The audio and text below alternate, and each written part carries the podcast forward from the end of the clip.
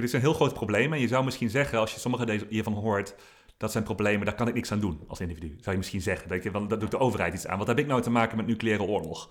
Maar dat is dus niet zo. Dat is het, het, op zich het goede nieuws. Is dat filantropie er zeker een rol te spelen heeft. En dat ook gedaan heeft historisch al. En ook in de toekomst kan doen. Ehm, en dat is onder andere omdat eigenlijk overheden helaas niet uh, helemaal hier goed voor opgezet zijn. Net zoals de markt bepaalde dingen mm verzorgt, hè, zorgt de consumenten voorkeuren meeneemt, zorgt een overheid vaak voor zijn eigen land of zijn eigen uh, waar de overheid over gaat. Ja, ja. Uh, maar denk dus niet na over de toekomstige generaties, niet na over grote risico's. En zal het verschil tussen 0,1% en 0,001% misschien veel minder belangrijk zijn voor een overheid als het gaat over mensen die 100 jaar later leven.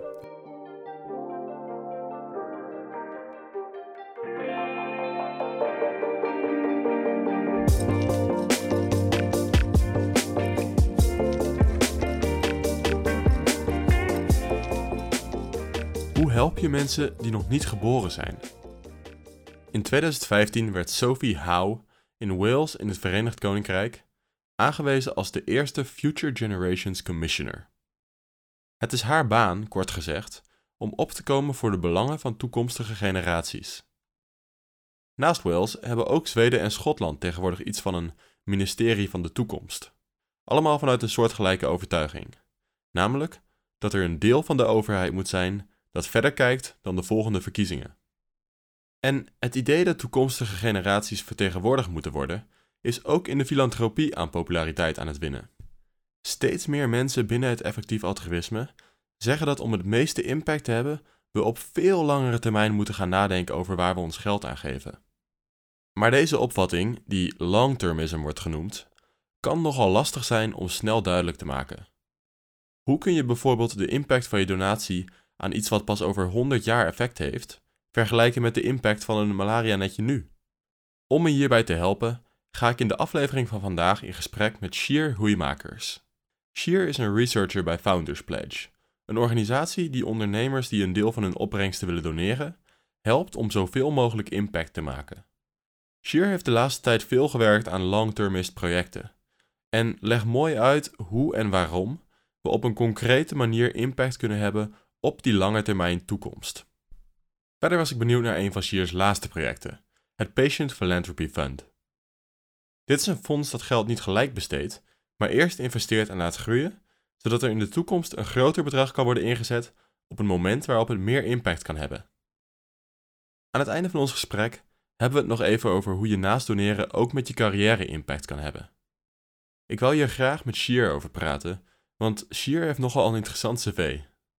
We hebben het hier over iemand die op zijn 24ste een crowdfunding campagne heeft opgezet, zodat hij zich twee jaar kon inzetten voor het basisinkomen in Nederland. Ik was dus heel benieuwd naar wat voor tips hij heeft voor andere mensen die hun carrière willen inzetten om de wereld een beetje beter te maken. Dit gesprek zat vol grote vragen en ik hoop dat jullie hier even mee vooruit kunnen, want het is de laatste van onze reeks. Effectief doneren is gemaakt door mij, Brendan Hedden, in samenwerking met de stichting Doneer Effectief. En ik wil graag iedereen van het team bedanken voor het meedenken en de feedback.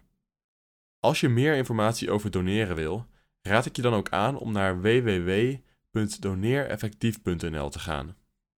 Voor vragen of feedback over de podcast kun je ook mailen naar brandon.doneereffectief.nl. Oké, dat was het voor de introductie. Veel plezier met de aflevering.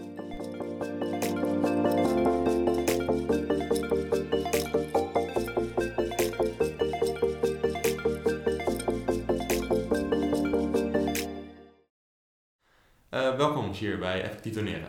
Dankjewel Ben. Um, ja, we gaan het vandaag een beetje hebben over uh, doneren voor de meer lange termijn toekomst, onder andere. Um, en het is best wel een ingewikkeld onderwerp. Zou jij misschien kunnen beginnen met uitleggen wat, wat dan long-termism of ja, voor de lange termijn doneren, wat dat inhoudt? Ja, zeker. Het is een heel interessant onderwerp. Um, en zeker iets wat heel erg leeft uh, nu en waar steeds meer in gebeurt. Um, long-termism zijn meerdere manieren om het te introduceren.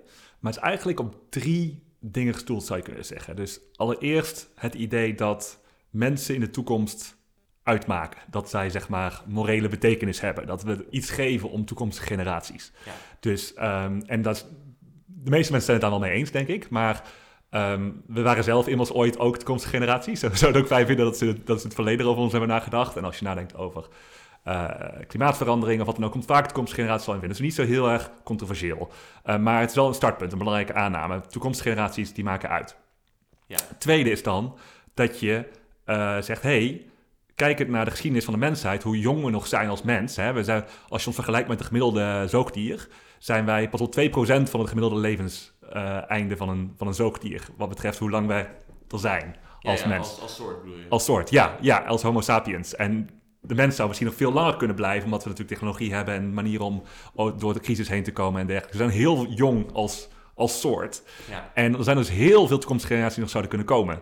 Uh, zijn echt, dus kun je bijna niet over nadenken wat er mogelijk is wat betreft de toekomst. Ja. Um, en uh, dus de, de stakes zijn high, zeg maar. Het gaat om, gaat om heel, hoog, uh, heel veel mensen. Het gaat om mensen die uitmaken en ook om heel veel mensen in de toekomst. Ja. En het derde punt is dan, hey, wij kunnen iets doen om te zorgen dat die mensen in de toekomst ook daadwerkelijk er zijn, kunnen leven en ook een goed leven kunnen hebben. Wij hebben invloed nu op die mensen in de toekomst. Zij kunnen het zelf niet doen. Zij zijn er zelf nu niet om zichzelf te vertegenwoordigen, maar wij kunnen daar wel voor zorgen. Um, het maakt heel veel uit wat wij nu doen. En er zijn ook dingen die we helemaal fout kunnen doen, waardoor het helemaal mis kan lopen. Uh, en tegelijk zijn ook dingen die we heel goed kunnen doen en, en, een mooie wereld klaarmaken voor onze kinderen, kleinkinderen en veel verder in de toekomst. Dus long term is als je die, die dingen met elkaar combineert en ook de aanname dus dat we iets kunnen doen aan de toekomst, en daar kun je natuurlijk nog meer over hebben wat het dan zou kunnen zijn, dan kom je uit op een heel extreme conclusie op een bepaalde manier. Namelijk dat misschien wel wat Um, uh, wat het belangrijkste is wat betreft hoe we een impact kunnen maken in deze wereld, is die impact op die, toekom die toekomstige generaties. Omdat het gaat om zoveel mensen en om, als je die allemaal kunt beïnvloeden op een bepaalde manier, uh, dan, ja, dan heb je het over extreme, extreme scenario's. Dus uh, dat is eigenlijk de, de these van long-termism, de stelling. Dat wellicht voor het hebben, als we nadenken over hoe doen we iets goeds in de wereld, moeten we allereerst nadenken eigenlijk over toekomstige generaties. Terwijl die vaak nu automatisch als laatste komen in onze gedachten. Ja, uh, ja nee, ik vond het ook een heel interessant idee uh, toen ik voor het eerst.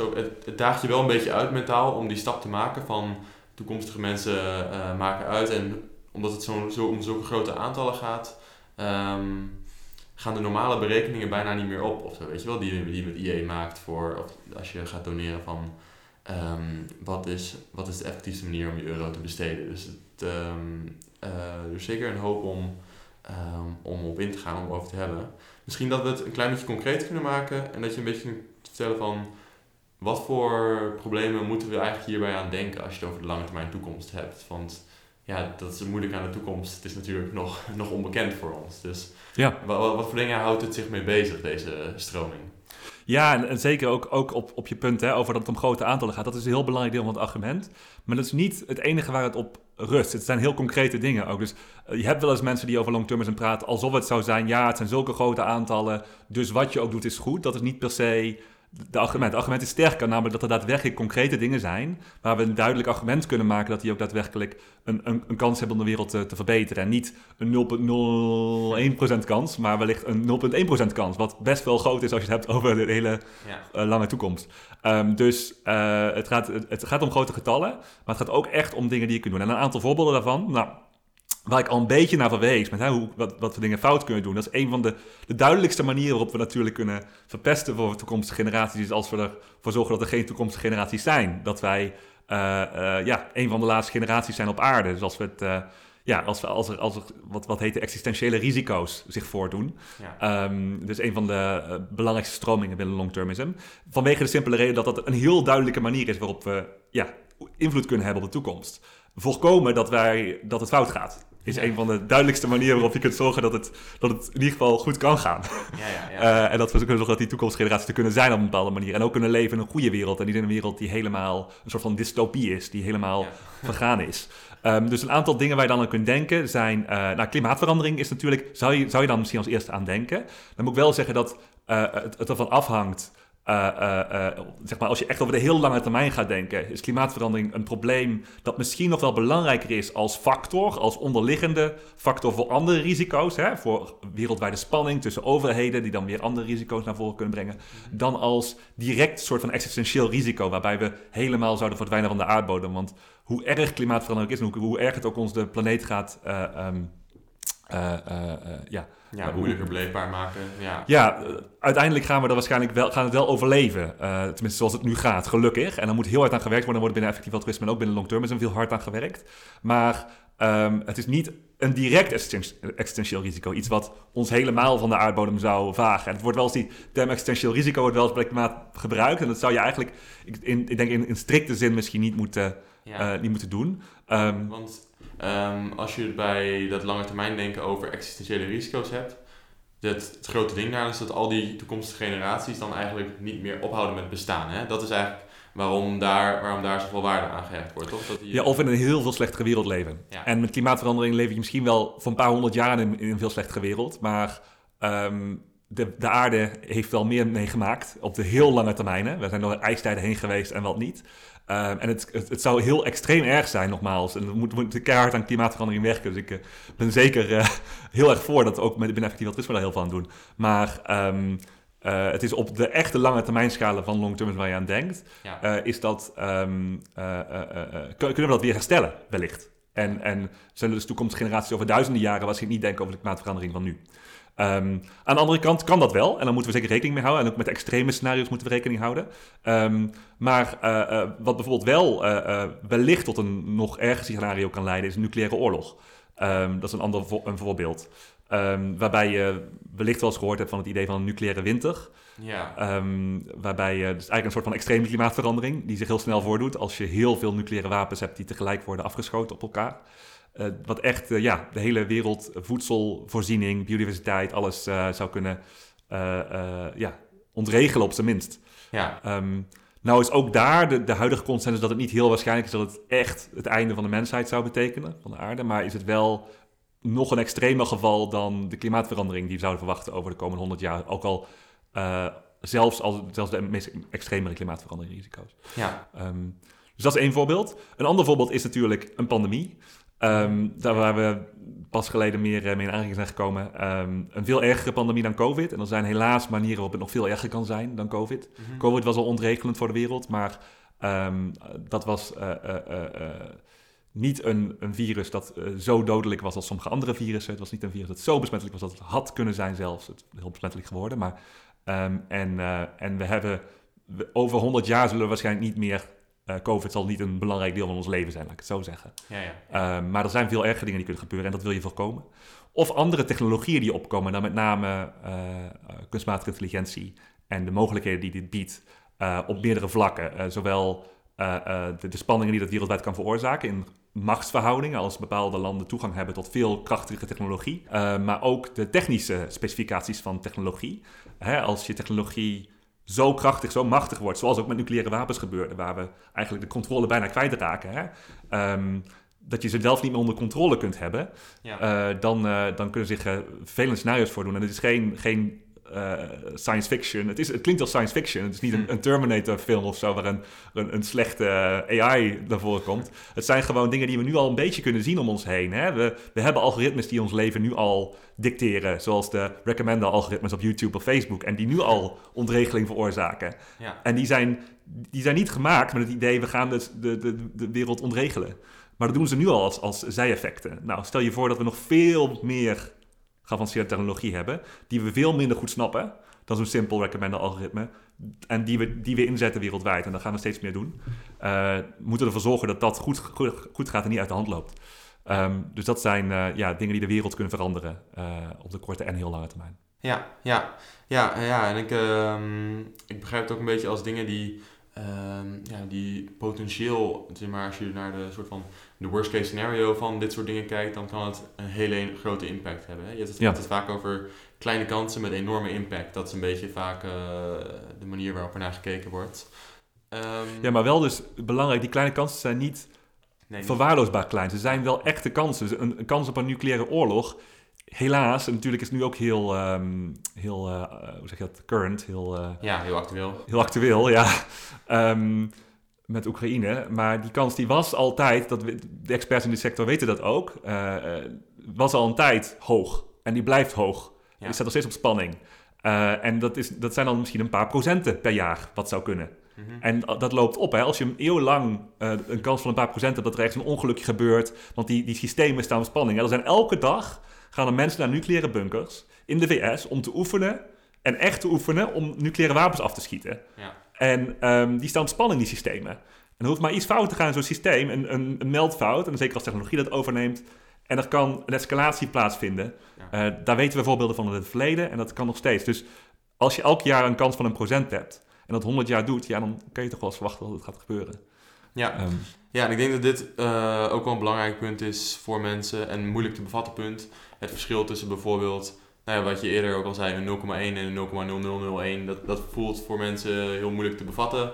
Maar als je inderdaad dus eh, meer onderzoek naar dit soort dingen gaat doen en je gaat dat verschil wel proberen, je gaat er wel iets mee doen, dan blijkt dat dat zijn natuurlijk hele reële verschillen. En hele, eh, ook voor wat je ermee zou moeten doen of hoe je ermee zou om moeten gaan, hele hele grote verschillen, hele belangrijke, eh, hele belangrijke onderscheid eigenlijk. Ja. Eh, om toch soort van orde aan te brengen in die super kleine kansen. Ja, Precies, ja. Ook daar gebeurt nu heel veel werk in. Het idee van forecasting. Dus het idee van proberen het in te schatten wat nou de kans is van bepaalde risico's en daarin ook te prioriteren.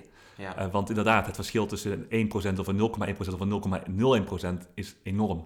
ja, ja, precies. Ja, misschien kun je daar eh, even een beetje wat over vertellen. Waar in dit gebied zeg maar, van, eh, van doneren en van effectief altruïsme, eh, waar mensen zich vooral mee bezighouden. Want hoe, weet je wel, er gaat, gaat geld naartoe. Waar gaat dat, wat wordt ermee gedaan? Wat, eh, hoe, maak, hoe hebben we invloed op deze dingen? Ja, en het is wel interessant, want ehm, kijk, dit is een heel groot probleem. En je zou misschien zeggen, als je sommige deze, hiervan hoort, dat zijn problemen, daar kan ik niks aan doen als individu. Zou je misschien zeggen, dat, je, want dat doet de overheid iets aan. Wat heb ik nou te maken met nucleaire oorlog? Of met die systemen, weet je wel? Dat, Ja. eh, zeker in Nederland, dat heeft meer in de VS en Rusland, of in China, of weet je. Ehm, maar dat is dus niet zo. Dat is het, het, op zich het goede nieuws, is dat filantropie er zeker een rol te spelen heeft. En dat ook gedaan heeft historisch al. En ook in de toekomst kan doen.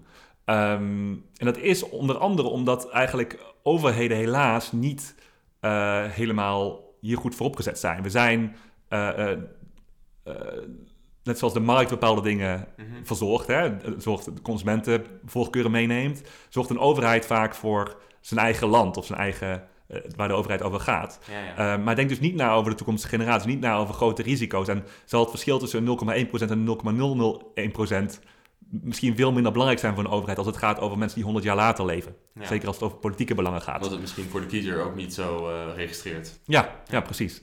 Ehm, en dus het komt het niet vanzelf. Het is niet zo dat vanzelf de overheid hier goed mee omgaat. Eh, vaak worden dit soort dingen alleen bestreden. Hè? Zoiets als nucleaire eh, eh, dreiging of, of, of pandemieën worden vaak vanuit national security overwegingen, dus, dus nationale veiligheid overwegingen bekeken. In plaats van wat dat wereldwijd met mensen kan doen. En dat heet dan, het heet dan een soort van global public good, is een soort van de term, is een publiek goed. Is iets wat wij, ehm, waar we met z'n allen van iets aan hebben. Uh-huh. Maar eh, eh, waar dus een, een kleine actor iets in moet investeren. Dus in dit geval een overheid. Die, eh, de overheden moeten voorkomen dat dit fout gaat. Ja. moeten, we moeten ervoor zorgen dat er niet van die risico's uit de hand lopen. Maar zij denken alleen maar na over het belang van hun land. Terwijl de, de mensen waar het over gaat, de hele wereld is. En alle toekomstige generaties. Ja, oké. Ehm, ja, ja. Dus wat ik eigenlijk wil zeggen is, als soort van inleiding van je andere vraag, die wil, wat, wat kun je nou precies doen, is dat het niet automatisch goed gaat. Het is niet iets waar we automatisch goed in zijn in deze risico's. eh, ook vanwege de, de grote getallen waar we niet mee om kunnen gaan. Er zijn heel veel redenen waarom we slecht zijn om mee om te gaan. En daarom zijn het ook zeer, zeer verwaarloosde gebieden. ja. Ehm, maar filantropie kan daar dus iets aan veranderen. Op meerdere manieren. Ehm, dus bijvoorbeeld, wat kun je als filantroop doen? Nou, je kunt allereerst zorgen dat die overheden dat beter gaan doen. Dus je kunt een, politieke advocacy doen. Je kunt ervoor zorgen dat overheden instituten opzetten die hier langere termijn over nadenken. Dat er ambtenaren op zitten in plaats van politici, zeg maar, die er iets langer over na kunnen denken. Iets langere termijn. En ehm, zo zorgen dat, eh, dat die risico's eh, iets beter ingedekt worden. Dus dat is een beetje een abstract verhaal. Maar Ja. om maar een voorbeeld te nemen, nucleaire, eh, nucleaire oorlogen. Nou, daar hebben we voorbeelden uit het verleden waar, ehm, eh, dat heet dan track 2 diplomacy. Ehm, je hebt track 1 diplomacy, dat is diplomatie. Dus dat is ehm, zeg maar de VS en Rusland die aan tafel gaan zitten Ja. om een verdrag te sluiten om hun nucleaire arsenaal te verkleinen. Ja, diplomaten en ambassadeurs en VN, dat soort dingen. Dat Precies. Is maar echt, ja. Ja. ja. Ja, echt gewoon het direct eh, erover hebben. Maar je hebt ook track 1,5 en track 2 diplomacy. Oké. En dat is zeg maar diplomatie van niet direct de officiële mensen van de overheid, maar wel die eraan bij betrokken zijn. Dus de wetenschappers in. Eh, die, die zeg maar eh, gaan over de nucleaire eh, nuclear science, zeg maar. Of die betrokken Ja. zijn, die de overheid adviseren. ja, Ehm, ja. Of de soort van de civil society wordt het dan genoemd. De, de, de, de NGO's, de, de, de goede doelen, de instituties in het land die met elkaar gaan praten. Nou, we hebben ook bijvoorbeeld, ik moet denken aan, we hebben een gesprek gehad met eh Clean Air Task Force. eh, en die zijn ook heel veel, dus het is misschien een beetje dezelfde route toch? Dus het beleidsadvies, misschien dat er een stukje onderzoek eh, aan vooraf gaat. En dat je dan via die route probeert beleid, concreet beleid gedaan te krijgen, veranderen. En dat je dan ja, eigenlijk die soort hefboomwerking, een soort, eh, dat je op die manier eh, invloed probeert uit te oefenen. Ja, dat, is, dat, is, dat valt denk ik ook onder het idee van gewoon het algemeen echt advocacy direct op de, op de mensen waar het om gaat, hè, op, Ja. de, op de beleidsmakers. Maar waar ik het nu met Track 2 Diplomacy ook over wil hebben is ehm, over nucleaire dreiging specifiek. Ja. Is dat je, eh, wat er gebeurde, dus er is een concreet voorbeeld van, in de jaren, ik denk dat het jaren 70 was, 80, waren er de Pugwash Conferences. Dat waren conferenties georganiseerd door een aantal wetenschappers. Ehm, en die, hebben, eh, eh, die brachten wetenschappers van eh, uit Rusland onder andere en de VS, ja, de Sovjet-Unie en de VS bij elkaar om kennis uit te wisselen en om ideeën uit te wisselen en elkaar te leren kennen en, en te praten over hoe het, hoe het beter kon. En die conferenties die waren dus niet direct officiële diplomatieke eh, kanalen tussen die twee landen, maar indirect hebben die ervoor helpen zorgen dat die verdragen door zijn gekomen, omdat die mensen weer terug naar huis gingen met de juiste kennis, met de juiste contacten, Hmm. met het minder misschien zien van de ander als enkel een vijand. En vervolgens in hun eigen land de, hun overheid konden beïnvloeden en adviseren. Ehm, dus eh, dat is één voorbeeld van een interventie die nu ook gebeurt. En waar wij ook bij Founders Pledge, waar ik bij werk, waar wij een, een, een aanbeveling doen op het gebied van eh, hoe, hoe kun je grote, hoe kun je eh, de, de, de spanningen tussen grote great powers, tussen de Ja. grote wereldmachten, ja. ja. eh, verkleinen. Onder andere door dus dat soort diplomatie te organiseren.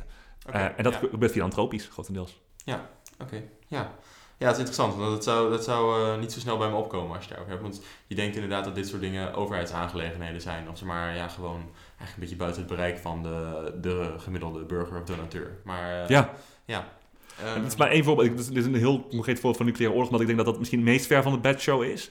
Maar je hebt hetzelfde soort dingen bij, eh, bij alle andere onderwerpen die ik genoemd heb. Natuurlijk klimaatverandering weten we, wat, je hebt ook met Clean Air Task Force gepraat, dus daar weet je al Ja.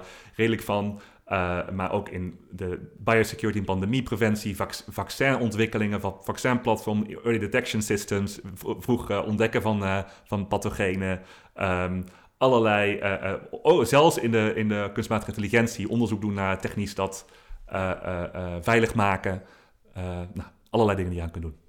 Ja, ja, we hadden het al een beetje over de, ehm, dat dit onderwerp een beetje verwaarloosd is. En dat het eigenlijk een beetje, ja, dat, eh, between the cracks valt, zeg maar, van, Ja. het, eh, van het systeem. eh, Tussen om- wal en schip. Om Schiphol, maar, ja, ja. ja. om maar zo te zeggen. Ja, we hebben het een beetje gehad waarom dat zo is.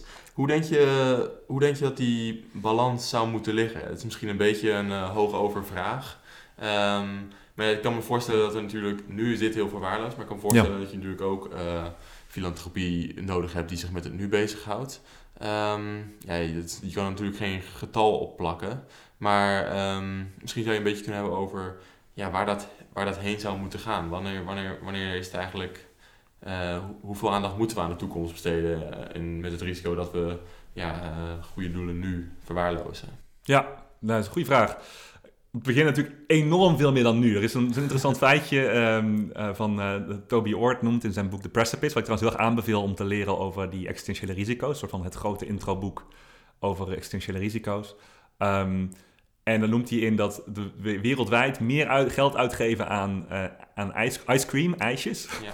dan aan het beschermen van de toekomst, zeg ja. maar. Ja. Um, en dat is toch wel een beetje schokkend, denk ik, gegeven de, de, ja, dus hoe, waar het om gaat.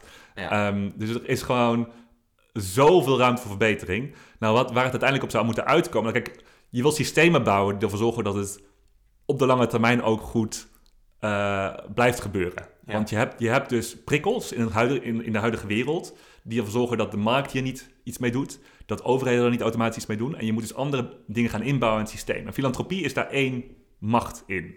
Maar je zou het liefst natuurlijk instituties hebben... die boven, zeg maar internationaal... -hmm. Um, hier uh, dingen aan doen. Je kan aan de VN denken natuurlijk, die dat enigszins bij klimaatverandering gedaan heeft. En, en, en gelukkig een beetje een rol in krijgt. Kan nog veel beter. maar dat soort instituties kun je aan denken om te zorgen dat, het, dat er ook lang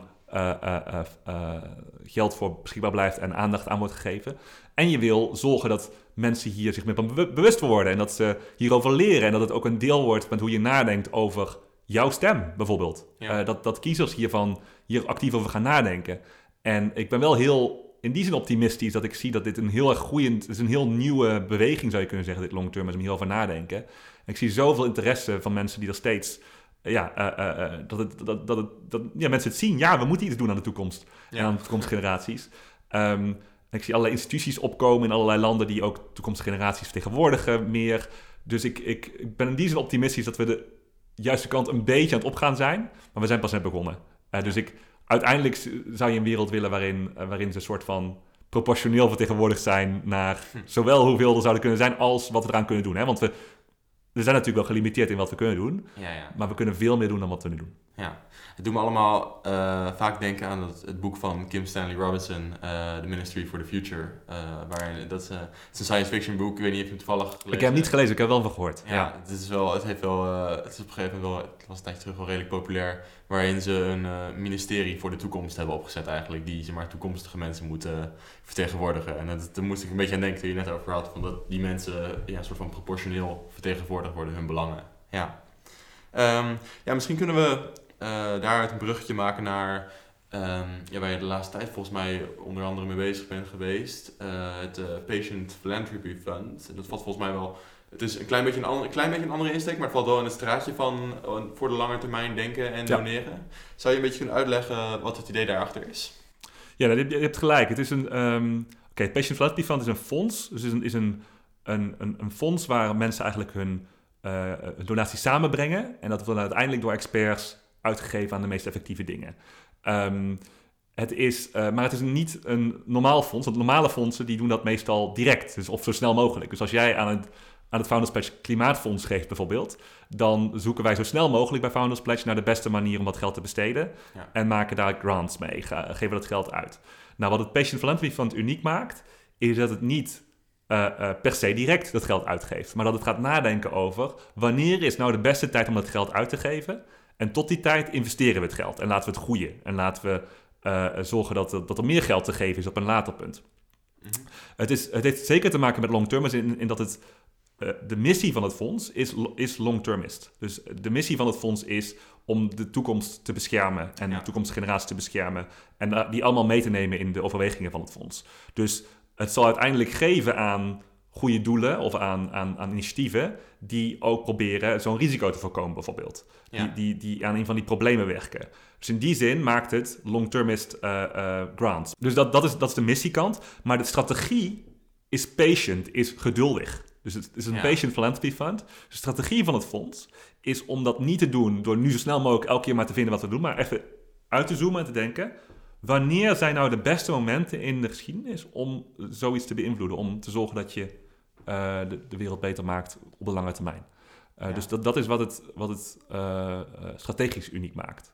Ja. Um, en um, dat was toch niet zo'n fonds? We, we, kwamen hierop bij Founders Pledge doordat um, we gingen nadenken over die vragen. Wanneer is nou de beste tijd om te geven? Want als je nadenkt over hoe kan ik zo effectief mogelijk goed doen... Mm -hmm. ga je misschien denken, waar kan ik zo effectief mogelijk geven? Maar er is nog een andere dimensie, namelijk tijd.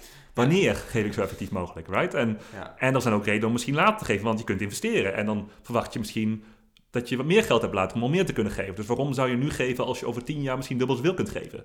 Ja, met, als je met datzelfde geld bedoelt. Ja, dat, ja, dat is wel een interessant punt inderdaad. Want uh, ik had een artikel, het Fox-artikel hierover gelezen, waarbij ze dat verhaal van Benjamin Franklin vertelde. Dat hij in zijn... Uh, in zijn erfenis 200 euro of zo, 200 dollar uh, opzij had gezet voor de stad Philadelphia of Boston of zo. En ja. Het, uh, 5 miljoen of zo dus was het uiteindelijk 200 jaar later. Hij had, het voor ja. hij had er gespecificeerd dat het 200 jaar moest staan en eigenlijk rente vangen. En, ja, en dat, het, ja, dat kan natuurlijk enorm escaleren op een gegeven moment. En dan kun je, heb je eigenlijk veel meer, veel meer gedoneerd dan dat als je het direct zou doen. Ja, ja. ja. ja. En dan moet je natuurlijk balanceren, want dat moet je dan weer afwegen tegen andere zaken, zoals het risico dat er in de tussentijd iets met het geld gebeurt, uh, dat je het verliest, dat, je, uh, dat, de, dat de dingen die je kunt doen vandaag misschien beter zijn dan morgen, of minder goed, dat weet je ook niet. Dus dat hebben we onderzocht met Founders Pledge. En waar, waar ik achter kwam was dat, zeker als je naar lange termijn initiatieven kijkt, mm -hmm. dat best een goede reden is om ook aan patient philanthropy te doen, om ook eh, geduldig geld opzij te zetten voor momenten waarin je extra veel impact kunt hebben. Ja, En dat is wat het fonds doet. want, want eh, dit was het eh, deel waar mijn intuïtie eventjes in de war raakt. Want ik zou, je zou denken van, ehm, ehm, als je die tijd, naar die tijddimensie kijkt, van wanneer is het beste moment om te doneren? Ehm, als je zeg maar historisch kijkt, zou het beste moment, hebben we het beste moment gemist eigenlijk, weet je wel. Als, als ik dus nu 200 euro heb kan- en ik eh, doe daar iets 200 jaar geleden mee, hebben ze er veel meer aan in principe dan als ik het nu ga doneren. In de zin dat we nu natuurlijk wat verder zijn qua welvaart en ehm, net zoals dezelfde reden dat we vaak goede doelen in eh, ontwikkelingslanden eigenlijk eh, op de giveaway-lijsten hoog zien staan. Dat, die, dat je daar veel meer kan bereiken met, met, je euro als donateur. Ehm, wat is het idee, ehm, waarom zouden we wachten op de toekomst in die zin? Terwijl wij natuurlijk eigenlijk, ja, als we die verwachting doortrekken, dat we eigenlijk nu minder welvarend zijn dan dan. Ja, nou kijk, is eigenlijk een heel praktische vraag. Hè? Want je, je kunt hem letterlijk stellen. Stel ik heb een euro nu of ik heb een euro in 10 jaar. Ja, Wanneer heb ik meer impact met die euro? En ehm, eigenlijk gaat het niet om 1 euro, maar het is om 2 euro over 10 jaar. Want je kunt het wellicht laten groeien door te investeren. ja. Eh, dus dat moet je ook nog meenemen. Inflatie, min- er zit heel veel achter.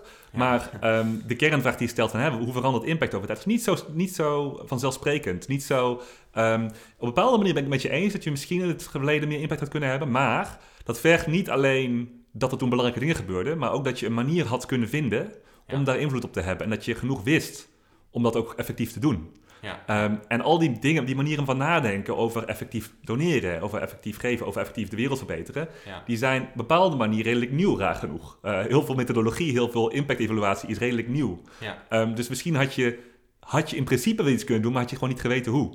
Eh, dus je moet ook dat leren meenemen. Dat is misschien wel de allerbelangrijkste factor, is dat we wellicht in de toekomst beter weten wat we kunnen doen. Ja, ja, dus het is eigenlijk een beetje inzetten dat ik dat we tegen die tijd op seizoen 100 van effectief doneren zitten. Ja. En we, Exact, ja. we er veel meer over weten. Ja, Ja. Het is natuurlijk wel een redelijk nieuwe beweging als je naar effectief altruïsme kijkt of eh, ja, eh, die berekening maken. Dus dat, eh, ja, daar kan me wel iets voorstellen inderdaad.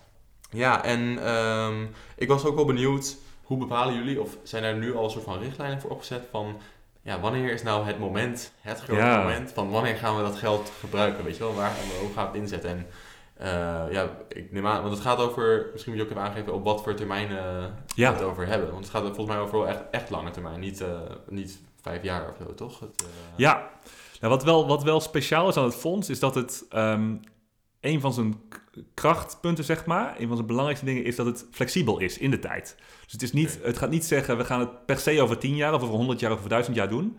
Het zegt, we gaan het doen op het moment dat we denken dat het het meest effectief is. ja. Dus we proberen te optimaliseren, we proberen de, het beste moment te vinden in de tijd.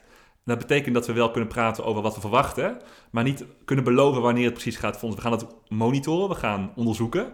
Ja. En in de gaten houden hoe dingen zich ontwikkelen wereldwijd. En op basis daarvan zo'n keuze maken. Dus we hebben dan ook, we hebben zeker criteria en manieren van denken over wat zo'n moment kan inhouden. Ja. Maar we kunnen het niet weten tot we het zien op een bepaalde manier. Want de wereld verandert zo snel. ja. En ehm, dat hangt af van wat er gaat gebeuren. Zou je een indicatie van die criteria kunnen geven? Ja, zeker. Ja. Ja, dus een aantal dingen. Zijn heel veel dingen over te zeggen. Maar bijvoorbeeld, eh, wat we net over hadden, ehm, investeren. En eh, hoe, hoe nuttig het is om te investeren. Op dit moment hebben we, de laatste 100 jaar is het heel makkelijk, raar genoeg, om via eh, de aandelenmarkt geld te laten groeien. Ehm. En dus is er ehm, een mogelijkheid om wellicht meer impact te hebben over 10 jaar met dubbel zoveel geld op dat moment. Ja, ja, ja. Ehm, door het gewoon in de wereldmarkt te stoppen, zeg maar. Eh, en dat, eh, dat kan veranderen. Dat is iets waar we nu, waar we nu soort van in berekeningen van uitgaan. Dat, dat wellicht nog even doorgaat, misschien iets minder snel of, of iets dergelijks. Als er crisissen komen natuurlijk. Maar dat is bijvoorbeeld één- dat is één parameter die kan veranderen. Eh, belangrijker misschien wel is dat er bepaalde momenten kunnen komen waarop je uniek, een unieke kans hebt om impact te maken. Een Ja. bepaalde soort van eh, pivotal moments, zeg maar, zoals we dat noemen eh, bij het fonds. Dus, dus ehm, die, eh, waar je aan kunt denken zijn, eh, nou ja, we leven nu op een bepaalde manier misschien in een pivotal moment. Hè? Er zijn bepaalde Ja. dingen die gebeuren ook rondom Oekraïne en dergelijke. Ehm, en ehm, nou, is, ehm, nou is de vraag of je daar op, dat, op, dat, op, op dit moment het ook het pivotal moment is voor filantropische investering. Want die had je eigenlijk misschien vijf jaar geleden willen doen. Om dit te helpen voorkomen. Hè? Ja, Dus dat-. Ja, voorkomen is Ehm, beter dan genezen. En ja, ja. efficiënter dan genezen. Ja. Precies. Maar je kunt wel nadenken, wat zijn nou de problemen over de komende, de komende tijd? Andere, eh, er kan een nieuwe pandemie uitbreken, die erger is dan COVID, daar hebben we het al even over gehad. Ja. Eh, en dan wil je wel- wellicht geld beschikbaar hebben in grote getalen om heel veel vaccins te financieren en om vaccinontwikkeling te financieren. En sneller dan we het nu gedaan hebben, want het had een stuk sneller gekund. Hè? De COVID Ja. is heel, het is heel snel gegaan, het is fantastisch eh, bereikt, maar er zijn barrières geweest, bureaucratische barrières, om het nog sneller, vooral die vaccins, naar buiten te krijgen. We Ja, hadden ze al heel snel, maar voordat ze naar buiten kwamen duurde heel lang. Nou, dat kun je filantropisch gedeeltelijk oplossen. Dus stel dat je nog een veel ergere pandemie hebt, zou je dat kunnen, kunnen inzetten al- als, als voorbeeld. Ehm, dus op zo'n manier kan er een, een heel belangrijk moment komen. Het kan ook zijn, dat is iets meer soort van uitgezoomd, is die belangrijke gebieden waar we het over hebben, die dus heel weinig geld op dit moment nog krijgen, dat begint nu te komen, dat geld. Gelukkig is er steeds meer aandacht voor en dan begint er nu geld te vloeien naar die gebieden en daar zijn we mee bezig. Dat, Ja. dat- maar er moet nog veel meer bij. Ehm, alleen, ehm, dat is nu heel vaak heel erg geconcentreerd en heel erg eh, risicovol in zekere zin. Er zijn een aantal hele grote funders, bijvoorbeeld het Open Philanthropy, eh, eh, Open Philanthropy in de, in, in de Verenigde Staten, die bijna de helft of misschien een derde van de totale funding in bepaalde gebieden voor zich nemen. Ja. Nou, en, als, en dat zijn gewoon in- uiteindelijk individuele miljardair donors die erachter zitten. En als die van mening veranderen of, of dat er iets mee gebeurt, dan kan het opeens wegvallen, die funding. En dan heb je dus een gat van funding in een gebied dat zich aan het ontwikkelen is, dat het gebied helemaal terug kan brengen. Dus je wil ook een, een soort van verzekerings eh, Potje, eh, ja. potje hebben, Ja. dat in kan stappen op zo'n moment. Ja. En dat is ook een reden waarom we Patient Transfer Fund hebben opgezet, is om zo'n verzekeringspotje duidelijk en transparant beschikbaar te hebben voor zulke soort momenten. Ehm, Ja. ja. Ja, ik vond het idee van een verzekering ook wel een. eh, of het sprak wel tot verbeelding inderdaad. Want volgens mij zag ik ook ergens genoemd van dat het heel, heel logisch is dat je voor jezelf een verzekering afsluit. Maar dat wij eigenlijk niet zozeer. Ja, dat hebben we natuurlijk in de vorm van overheden wel eh, tot. Maar niet op dit soort. Op deze vlakken waar we het eerder over gehad hebben. Daar hebben we natuurlijk niet echt een eh, verzekeringspotje. eh, in die zin. Ja, Ja, precies. Het is een, een, een collectieve verzekering ja, voor de wereld. Dat, Ja. is een beetje het idee. Ja, nou, het lijkt me, nog, het lijkt me een hele, hele moeilijke vraag om eh, te beslissen van wanneer is het moment om dit in te zetten. Dus ik, ik hoop dat mensen in de toekomst die, die, druk, die druk aankunnen. Want eigenlijk hoop je eigenlijk dat je het, het, ja, net als een verzekering, hoop je eigenlijk een beetje dat je het nooit nodig hebt of zo, weet je wel. Want, Ja. Ja, Ja, klopt. Dat zou het mooiste zijn. Dat is natuurlijk wel het gekke van dit fonds. Is dat je inderdaad, je hoopt dat het gewoon blijft groeien en dat het nooit nodig zou zijn. als je besluit het in te zetten, zit je eigenlijk een beetje in de worst, zit je, zit je waarschijnlijk in een worst case scenario. Of is er een mogelijkheid om een worst case scenario te voorkomen natuurlijk. Dat is ook... eh, Ja, dat, en het is niet zo. We hebben het nu over existentiële risico's gehad. En dat is natuurlijk wel een heel duidelijke manier waarop je invloed hebt op de lange termijn. Maar er zijn ook kansen om de we- wereld beter te maken. Ja, ja. Die zijn moeilijker om dat heel stabiel te doen. Hè? Kijk, waarom het zo makkelijk is om iets slechts te voorkomen, of waarom je daar heel veel impact kunt hebben, is omdat als, als we uitsterven als mensheid, is dat heel stabiel. Dan is dat vast, dan kom je niet meer terug zo makkelijk. Ja. Eh, terwijl het veel moeilijker is om een goede staat voor altijd te verzekeren of zo. ja. Hè, dus dat, en dat is de reden waarom je automatisch, als je kijkt hoe kan ik het meeste impact hebben, kom je snel uit bij het voorkomen van heel erge dingen. Omdat die heel Ja, stabiel slecht zijn. Ehm, maar ehm, er is heel veel onderzoek gaande nu naar ook hoe we ook in het algemene wereld op de lange termijn beter kunnen maken. Wat zijn nou goede instituties? Wat zijn nou goede basisdingen voor de wereld eh, om te hebben? En ook daarvoor, als er een unieke kans zich voert, stel dat er een nieuwe Verenigde Naties wordt opgezet ja. na een oorlog of zo. Hopelijk dat dat niet hoeft, maar dat is meestal na een crisis komt er, is er kans ook voor nieuwe goede dingen. Maar hopelijk ook gewoon op een niet zo'n crisismoment een, een nieuwe Verenigde Naties die eh, de kans biedt om de wereld een stuk mooier te maken. En dan moet een constitutie voor geschreven worden en dan moet een infrastructuur worden opgezet. Nou, dat is ook een unieke kans in de geschiedenis waar zo'n fonds zou kunnen instappen. Ja. Vanwege positieve redenen. Ja, oké, ja, ja, nee, ik, het, is, het is allemaal ehm, net een stapje, ik, tenminste ik ben dan in het effectief altruïsme gaan verdiepen. En dan moet je even die, die mentale omschakeling maken naar dat, eh, dat impact denken. Ja. En dan zit inderdaad weer eigenlijk een verlengde daarvan voelt voor mij. Het is weer, het is weer even een eh, mentale omschakeling die je kan maken. Maar er valt in elk geval wel eh, een hoop over te zeggen en een hoop over, eh, hoop over na te denken ook. En dat merk je ook wel binnen de community, dat het heel erg leeft. En mensen ook het echt wel leuk vinden om zich over die vraagstukken eh, het brein te breken. Zeker, ja, het is, het is een heel, het is fascinerend en ook een soort van angstaanjagend soms, maar ook heel hoopgevend op bepaalde manieren weer. En iets waar ik ook jaren langzaam meer intuïtie voor begin te krijgen, maar het is iets heel onintuïtiefs de eerste keer dat je het hoort. En Ja. iets wat je ja, echt meerdere keren over moet praten, over moet horen om er, eh, om er een soort van grap, grip op te krijgen. Ehm, Ja. Maar ja, Ja. Ehm, ja, misschien kunnen we even schakelen naar een eh, iets meer korte termijn eh, onderwerp. Naast je werk bij Founders Pledge ben je ook eh, voorzitter van het eh, IAN-bestuur. En met IAN zijn jullie veel bezig met, en eh, je hebt natuurlijk ook 80.000 hours in, eh, in de VS, maar veel bezig ook met mensen advies geven over hun carrière. Ehm, ja, voor mensen, we hebben nu natuurlijk een soort van acht afleveringen over doneren gehad. Maar je kan met je carrière ook een hoop impact maken. Hoe ehm, zou je mensen adviseren over hun carrière na te denken? Want je hebt zelf ook best wel een interessante carrière gehad wat dat betreft op het gebied van eh, impact maken. ja ik, ehm, het is een heel interessant en ook, ook een moeilijk thema. Ook een heel eh, soort van persoonlijk thema natuurlijk, carrière in zekere zin. Ja. Ehm, ik ben heel blij met 80.000 Hours, die je al noemde. Die daar een heel, eh, ja, die een website heeft eh, met heel veel informatie. En waar ik heel veel mensen altijd naar verwijs. Van, ja. kijk daar eens naar, die geeft ook heel veel introducties in heel veel van de dingen waar we het ook over gehad hebben. Ehm, er zijn nu ook andere initiatieven. Probably Good is volgens mij een nieuwe eh carrièreadviesinitiatief dat nog wat breder kijkt in de FT Walters vanwege. Dus een heel, ook, ook een heel belangrijk topic in, Ja. die, eh, in, die, in die community. En ook een heel belangrijk, want ehm, ja, uiteindelijk eh, moeten er dingen gebeuren. En, en er moeten zijn dingen zijn die ook die dingen uitvoeren. Mensen die Ja. dingen uitvoeren. En met geld kun je een eind komen, maar Iemand ja. moet er wel mee doen. je moet er wat mee doen. Ja. Ehm, dus ja, wat ik, ik heb algemeen carrièreadvies. Nou, Nou, hoe denk jij, hoe, hoe denk, want als ik het goed begrijp, tenminste als ik zo een beetje jouw eh, cv eh, teruglees, ben jij wel iemand die heel bewust nadenkt van hoe kan ik het meeste impact met mijn carrière maken, toch? Van hoeveel kan ik het meeste positieve impact maken? Ehm, hoe denk jij over, je, over stappen na, over dat soort dingen? ja, dat probeer ik wel. En het is ehm, eh, wat mij betreft iets heel, ja, hoe zeg je dat?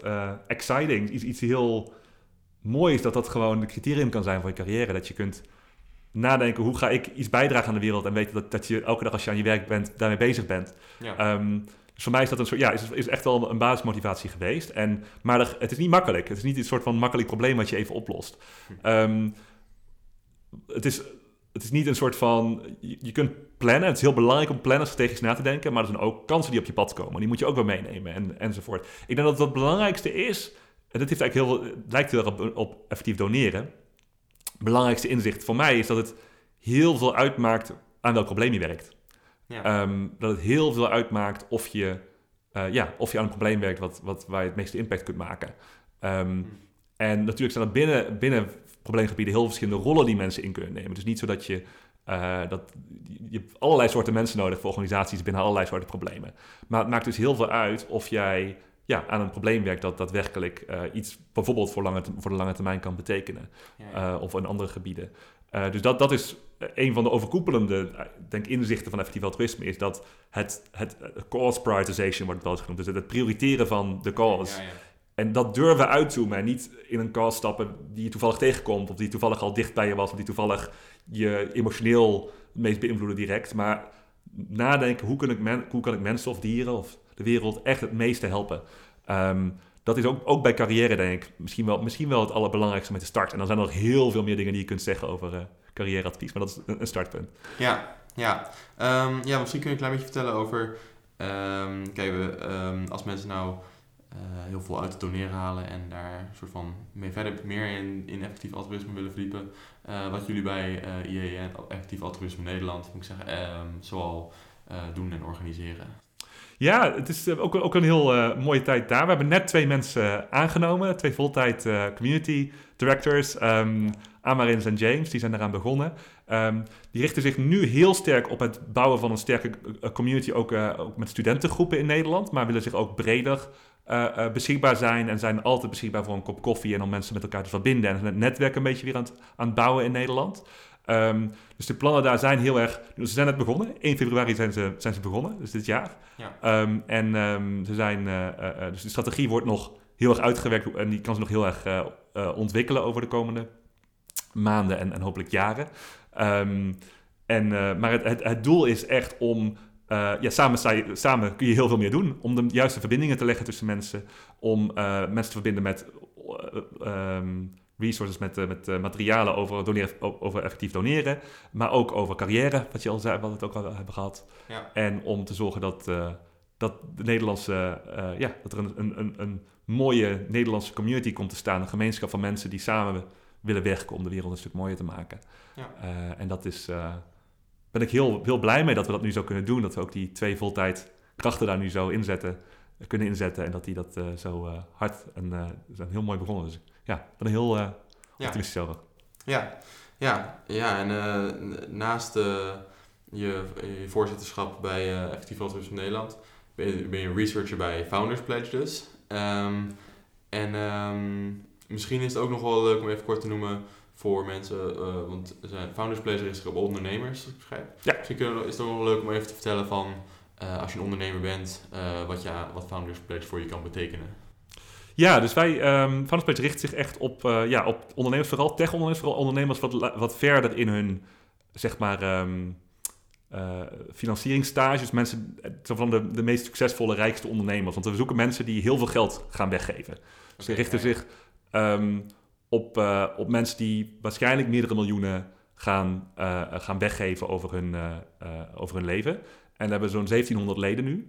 Um, en die samen nu, met zitten op de 7 miljard of zo aan ge, gepledged hebben. Ja. met een, met een um, wettelijk bindend contract.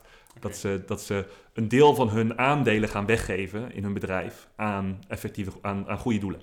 Ja. In ieder geval. En wij willen ze ook ervoor zorgen dat ze erover nadenken om het ook aan effectieve goede doelen te doen. Dus wij, ja, wij zorgen er zowel voor dat zij die elkaar kunnen vinden, ook een community hebben, ook een, um, uh, uh, maar ook toegang hebben tot informatie over effectief doneren.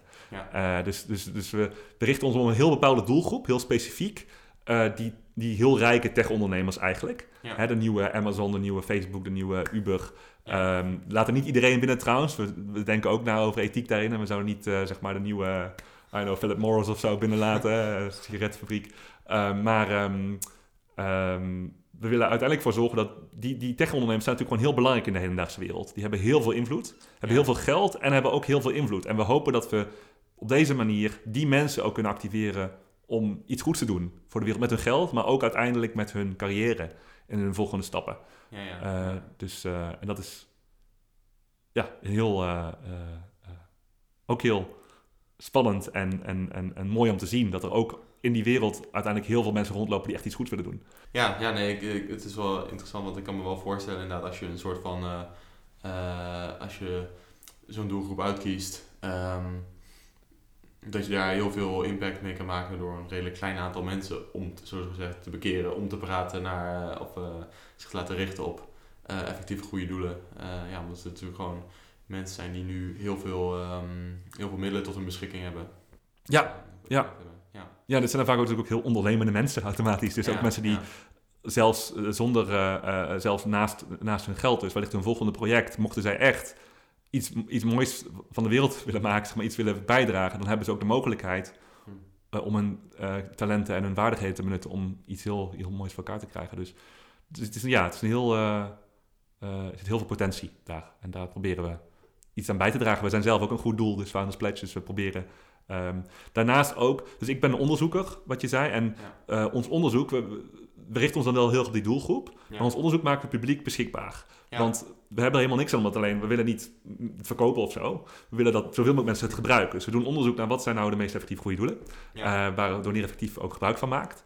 En um, wij um, doen dat over een heel grote groep aan uh, uh, goede doelen en gebieden, geprioriteerd op waar we denken dat we de meeste impact kunnen maken op de lange termijn, maar ook op de kortere termijn en ook in het dierenwelzijn, klimaat. Ja. Oké, okay, uh, ja, heel erg bedankt. Um, eh, volgens mij hebben we er een hoop van geleerd. En ik, uh, ja, ik denk uh, op naar een mooie lange termijn toekomst. Ik hoop het, ja. Dankjewel Brandon, het was heel leuk om je te praten. Bedankt voor het luisteren naar deze aflevering van Effectief Doneren, de podcast. Om meer afleveringen van de podcast te luisteren, kun je ons volgen op Spotify, Apple Podcasts of jouw favoriete podcast-app. Deze podcast is gemaakt door mij, Brendan Hedden, in samenwerking met Doneer Effectief. Als je meer over doneren of het effectief altruïsme wil leren, kun je naar www.doneereffectief.nl gaan. Nogmaals, bedankt voor het luisteren en hopelijk tot de volgende keer.